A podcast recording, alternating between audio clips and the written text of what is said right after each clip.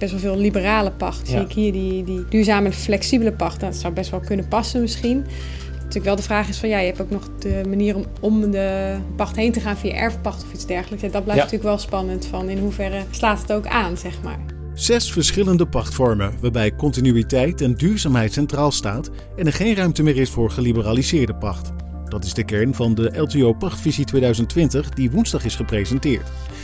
Twee jonge pachters geven een reactie op de visie. En Alfred Jansen, de persoon binnen LTO Nederland die pacht in zijn portefeuille heeft zitten, geeft tekst en uitleg over de pachtvisie. Wat LTO betreft de basis moet zijn voor vernieuwingen van het huidige pachtstelsel bijvoorbeeld door stikstof, maar ook door andere ontwikkelingen die al gaande waren, hè, kringlooplandbouw, zie je gewoon dat er een ander pachtstelsel nodig is. En je ziet ook dat, uh, ja, dat die verandering gewoon nodig is. En ik hoop ook dat de minister nog de tijd heeft en vindt om ook daadwerkelijk zeg maar, pachtstelsel aan te passen. Mijn naam is Arie Meijer en dit is de achtste aflevering van de podcast van Nieuwe Oogst. Met vandaag de nieuwe pachtvisie van LTO Nederland. We gaan terug naar 2019. Dat is het moment dat landbouwminister Carola Schouten de hoofdlijnen voor de herziening van het pachtbeleid bekend maakte. Voor LTO Nederland was dit moment de aanleiding om werk te maken van een ontwerp voor een nieuw duurzaam pachtstelsel. Daarvoor zijn de leden geraadpleegd, maar is er ook gesproken met deskundigen, zoals de Wageningen Universiteit en landbouwspecialisten van banken. Het resultaat is deze pachtvisie. Alfred Jansen geeft een toelichting op de inhoud van deze visie. Wij hebben gezegd met, met onze visie, wij hopen daar een bijdrage te leveren aan een, aan een nieuw pachtstelsel. En het nieuwe pachtstelsel, dat moet eigenlijk aan, aan een vijftal aspecten uh, voldoen. Ten eerste moet de, de duur van de pachtcontracten, die moet echt langer. Omdat het ook duurzamer is en omdat dat meer continuïteit geeft aan de agrarische bedrijven. Het moet ook echt een stimulans zijn voor uh, vitale en duurzame landbouw. De, er moet een eerlijke marge zijn. Dus de pacht moet echt een afweging zijn tussen wat kan de pachter betalen en wat is voor de verpachter ook een redelijk. Nou, daarnaast, uh, daarom hebben wij ook gezegd van de, de pachtprijs, dat moet echt een relatie hebben met de agrarische opbrengstwaarde. Wij willen dus af van het, het uh, aspect waarvan je zegt van het is een, een deel of het is, het, het is een percentage van de vrije verkoopwaarde. En wij zeggen van dat moet echt voor, naar, de agrarische opbrengstwaarde. En daarnaast kun je in de toekomst nog kijken van kun je het weer koppelen aan de kwaliteit van de grond. Daar heb je op dit moment nog geen meetinstrumenten voor, maar naar de toekomst toe kan het misschien wel. En dan als laatste, het moet echt een perspectief zijn voor agrarische ondernemers. Want agrarische ondernemers moeten de pacht kunnen betalen, en moeten de pacht kunnen opbrengen. En alleen als de agrarische ondernemer zeg maar, toekomst heeft, dan heeft pacht zeg maar, ook toekomst. Uiteindelijk zijn zes pachtvormen ontworpen. De belangrijkste vorm is en blijft de reguliere pacht. Dat is echt een, een hot item om het maar zo te zeggen. Die reguliere pacht die, die laten wij gewoon zoals die nu is. Er zijn drie kleine dingen die we dan willen aanpassen, maar de reguliere pacht blijft gewoon het fundament onder, wat ons betreft, onder het hele pachtstelsel. En er zijn dan, uh, zeg maar, die drie aspecten had ik het over.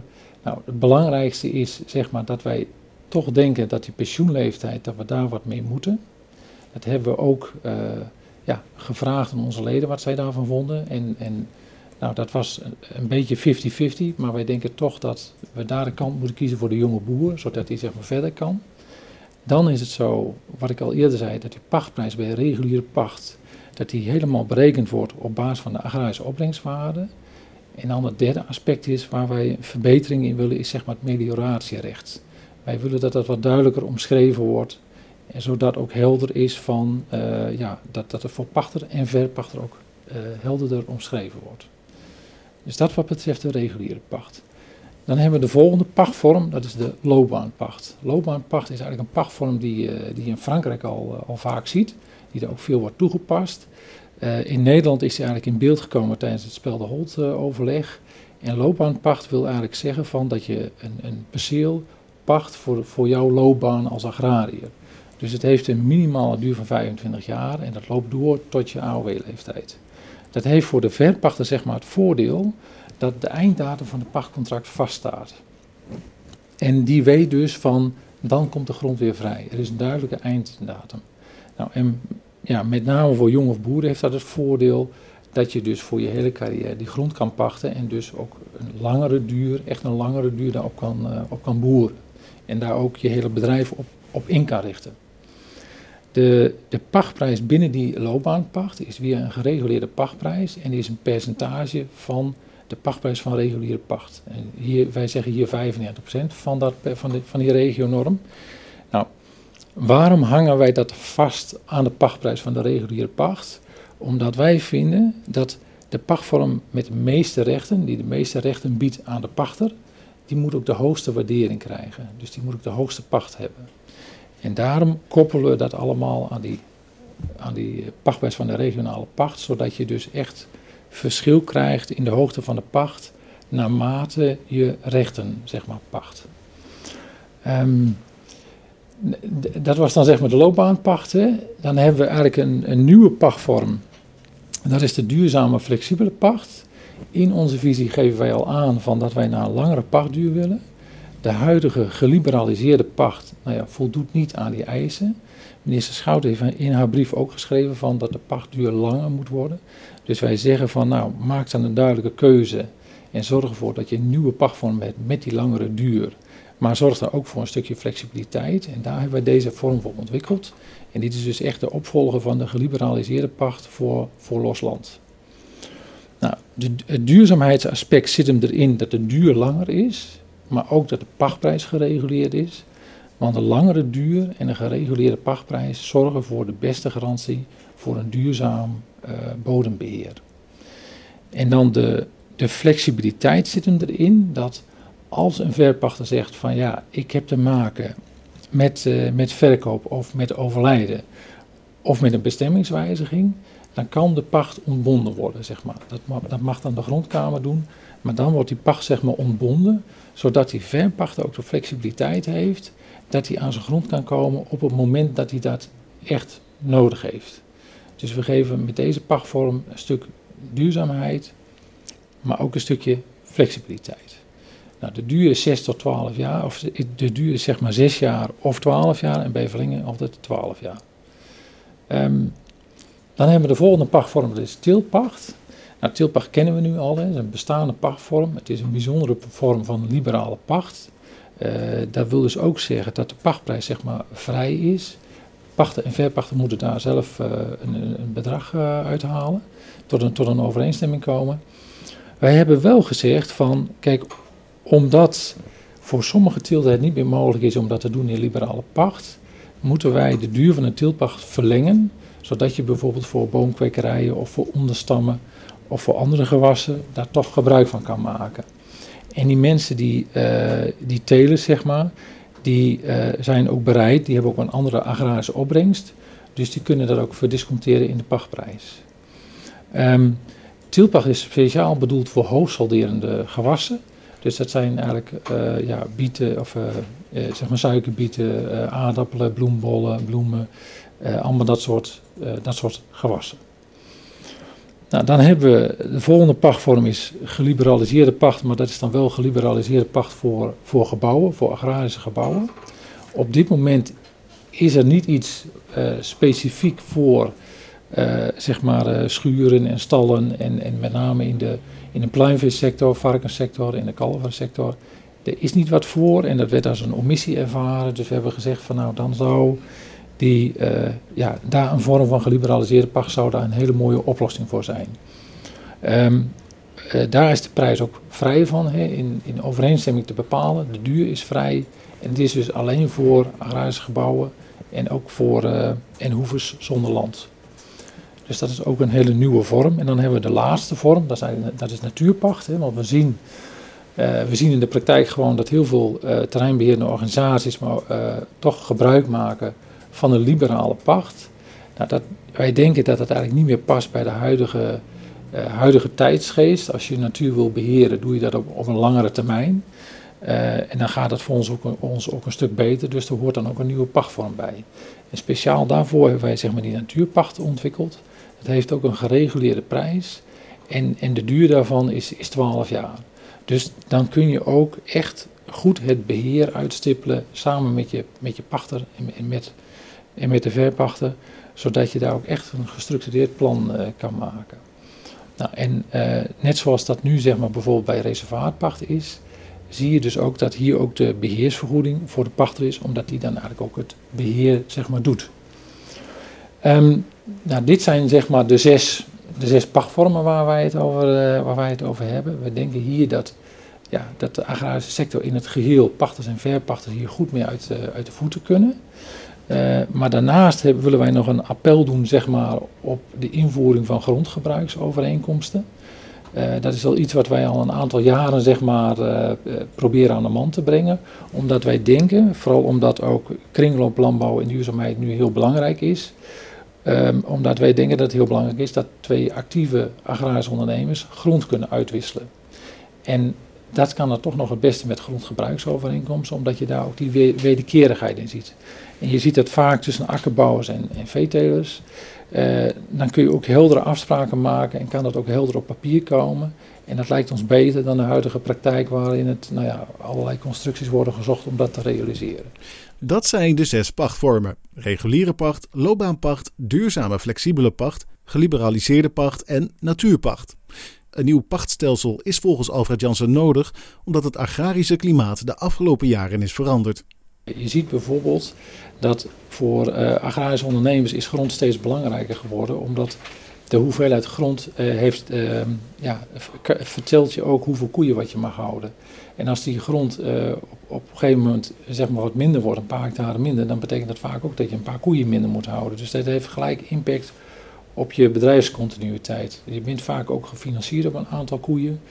Dus sterker dan zeg maar tien jaar geleden heb je nu heb je die afhankelijkheid van grond, die grondgebondenheid. Dat wordt steeds belangrijker. Nou, daarom zeggen wij ook, ja, er hoort ook een nieuw pachtstelsel bij met een langere duur en met die gereguleerde prijs. Maar zegt ook dat deze visie uniek is. Nou, ik denk dat het echt wel een trendbreuk is dat we nu weer naar een langere termijn toe gaan en dat we ook naar een meer gereguleerde prijs eh, toe gaan. En ik denk ook dat dat nodig is, omdat je ziet dat ja, de maatschappelijke wensen zitten allemaal op het, uh, op het vlak van uh, ja, duurzame landbouw, uh, extensiveren. Ja, dus je, je, er wordt een andere landbouw van ons verwacht. Ja, en daar hoort ook een, andere pacht, hoort ook een ander pachtstelsel bij. Dus dat, en dat is ook echt nodig, want je loopt ja, in het huidige pachtstelsel is het een beetje ja, diametraal dat je enerzijds ziet dat heel veel organisaties maken gebruik van liberale pacht. Terwijl aan de andere kant roepen ze wel van het moet allemaal duurzamer. Dus dan moet je dat ook uh, zeg maar synchroniseren. Dat is dus hoe de nieuwe visie eruit ziet. Om de visie op te stellen zijn eerst de leden geraadpleegd, maar nu de visie er ligt. Wat vinden de leden ervan? En dan met name de jonge pachters, want zij staan centraal in dit nieuwe ontwerp. Marije Klever en Gertjan Trompet zijn jonge pachters. Marije Klever heeft een melkveebedrijf in De Meren bij Utrecht en is daarnaast portefeuillehouder pacht bij de NAJK. Gert-Jan Trompet is melkveehouder in Schalkhaar bij Deventer. En beide zijn ze positief over de visie. Wat ik heel mooi vind is die relatie tussen uh, aan de ene kant als je dus langere pachtduur hebt, dan is de pachtprijs iets hoger. En als het korter is, is de pachtprijs iets lager. Ik denk dat dat iets is wat voor jonge boeren kan werken. Want ja, wij, wij vinden het niet erg om het als de pachtprijs iets hoger is, maar dan heb je ook die lange termijn uh, zeg maar, uh, voor ogen. Nou, ik ben ook uh, positief in die zin dat er nou, goed gehoor is gegeven aan wat de leden ervan vonden. Dus dat, dat zie je duidelijk in de visie terug. En heel veel woorden die terugkomen zijn continuïteit, lange termijn, minder fluctuaties. Nou, dat zijn wel aspecten voor nou, als bedrijf zijnde. We hebben best wel wat fluctuaties en wisselingen gehad de laatste jaren. Dus een beetje basis, ja, ja. stabiele basis is heel goed, denk ik. Met deze zes pachtvormen verwachten zij uit de voeten te kunnen. Ik heb best wel veel liberale pacht. Nou ja, dan zie ik hier die, die duurzame flexibele pacht. Dat zou best wel kunnen passen misschien. Natuurlijk wel de vraag is van ja, je hebt ook nog de, de manier om, om de, de, de pacht heen te gaan via erfpacht of iets dergelijks. dat blijft natuurlijk wel spannend van in hoeverre slaat het ook aan, zeg maar. Uh, wat natuurlijk nog wel even spannend is van nou, bijvoorbeeld zo'n duurzame flexibele pacht. Uh, wat voor voorwaarden worden er bijvoorbeeld aan duurzaamheid gesteld en hoe vertaalt zich dat in de pachtprijs? Want uh, ik vind, nou, we willen met z'n allen best wat doen aan duurzaamheid of aan andere zaken. Maar goed, ik vind altijd wel wie betaalt bepaalt. Dus daar ben ik dan wel nieuwsgierig naar hoe zich dat straks ja. concreet gaat vormen. Um, maar de, de focus op die reguliere pacht, ja, dat, heeft, uh, dat is denk ik een uh, heel positief uh, signaal ja, in ja. deze visie. Ze juichen toe dat er in de visie veel aandacht is voor de jonge pachter, hoewel dat vanzelfsprekend nooit genoeg is. Kijk, wat wij natuurlijk wel zien gebeuren is dat er best heel veel stoppers zijn en dat er dus ook meer ja. grond beschikbaar komt. En als je dan kijkt naar je bedrijfsovername, uh, ja, is het gewoon heel lastig om te investeren in grond, omdat je daar gewoon de middelen niet voor hebt. Ja. ja dan kan pachten een, een goede uitkomst uh, ja. bieden. Dus in die zin zie ik echt wel kansen voor jonge boeren. En zo'n loopbaanpacht kan daar dan ook een, een goede vorm voor zijn. Zodat je ook ja, bijvoorbeeld een stal kan bouwen. En dat je ook die zekerheid hebt dat je die grond eronder hebt. Eronder, ja. Dus Dat, dat vind ik wel positief. Ja, en wat ik denk ik vooral, vooral ook belangrijk is, dat stukje zekerheid ook. Ja. Dat als jij als jonge ondernemer wilt starten, dat dat gedeelte van pacht of grond onder je bedrijf eigenlijk wat zeker gesteld is. Ja. Omdat ook die overname eraan zit te komen, eventuele broers of zussen waar wat mee geregeld moet worden. En vaak wil de, de, jonge generatie toch nog een stapje zetten in het bedrijf qua bedrijfsontwikkeling. En als je dan die, die pacht af kunt strepen van je lijstje van dat heb ik geregeld, dan zie ik het wel als heel uh, positief. Dus ik denk ook dat uh, nou, de minister voor de jonge boeren eigenlijk wel haar best mag doen. Ja. Ook door die vergrijzing die er, die er is. Terug naar Alfred Jansen. Want eerder gaf hij aan dat zekerheid en continuïteit beter betaald moeten worden. Maar als reguliere pacht de basis is en blijft van het nieuwe pachtstelsel, wat betekent dat gemiddeld genomen voor de hoogte van de reguliere pacht? Nou, wij zeggen dus in het nieuwe stelsel van de pachtvorm met de meeste rechten, die de meeste rechten geeft voor de pachter, dan moet de pachter ook de hoogste prijs voor betalen. Dus de reguliere pacht geeft gewoon de meeste continuïteit en de meeste zekerheid. Dan mag die pachtprijs ook hoger zijn dan voor een pachtvorm die dat minder geeft. Dat is punt 1. Ten tweede, doordat uh, als zeg maar. Uh, de continuïteit van de bedrijven beter is, is het verdienmodel van de boeren ook beter. En dan komt daar in de, in de huidige systematiek ook een hogere pacht uit. Dus als de continuïteit van de boeren verbetert, kun je ook zien, of zul je zien, dan gaat die pachtprijs dus omhoog. Nou, een mooi voorbeeld daarvan is bijvoorbeeld uh, de pachtprijsregio van de IJsselmeerpolders. Je ziet dat daar de regionorm de hoogste is in heel Nederland. En het heeft ook te maken met, met het ondernemerschap in de polder, met de kwaliteit van de grond. Maar ook vooral omdat daar de landbouwstructuur heel erg goed is. Nou, en dat is uh, ja, voor ons ook wel het bewijs van als je zorgt dat die landbouwstructuur goed is, dan, dan zie je dat ook terug in de huidige, pacht, uh, in de huidige pachtnormen. LTO Nederland heeft de pachtvisie aangeboden aan de landbouwminister. En dat betekent eigenlijk dat het lobbywerk gaat beginnen, zodat straks zoveel mogelijk partijen deze visie omarmen. De eerste stappen zijn dus gezet voor een nieuw pachtstelsel. En Carola Schouten liet in een eerste reactie weten de visie van LTO Nederland grondig te gaan bestuderen. We wachten het af en daarmee sluiten we ook de achtste aflevering van de podcast van Nieuwe Oogst af. Op onze website nieuweoogst.nl, maar ook op bijvoorbeeld Spotify of Buzzsprout, kunt u eerdere afleveringen terugluisteren. Zoals die van vorige week over de voermaatregel. Twee melkveehouders vertelden daarin tegen welke problemen zij aanlopen als de tijdelijke maatregel van Schouten wordt ingevoerd. Gelukkig deed het landbouwminister donderdag een handreiking naar de sector en liet weten open te staan voor een alternatief. En daar wordt sectorbreed keihard aan gewerkt door onder meer LTO, NAJK en NMV. Want Schouten heeft de sector wel een deadline gesteld. Uiterlijk 1 juli moet het alternatieve plan bij haar op tafel liggen. Voor nu, bedankt voor het luisteren en graag tot een volgende keer. Dag.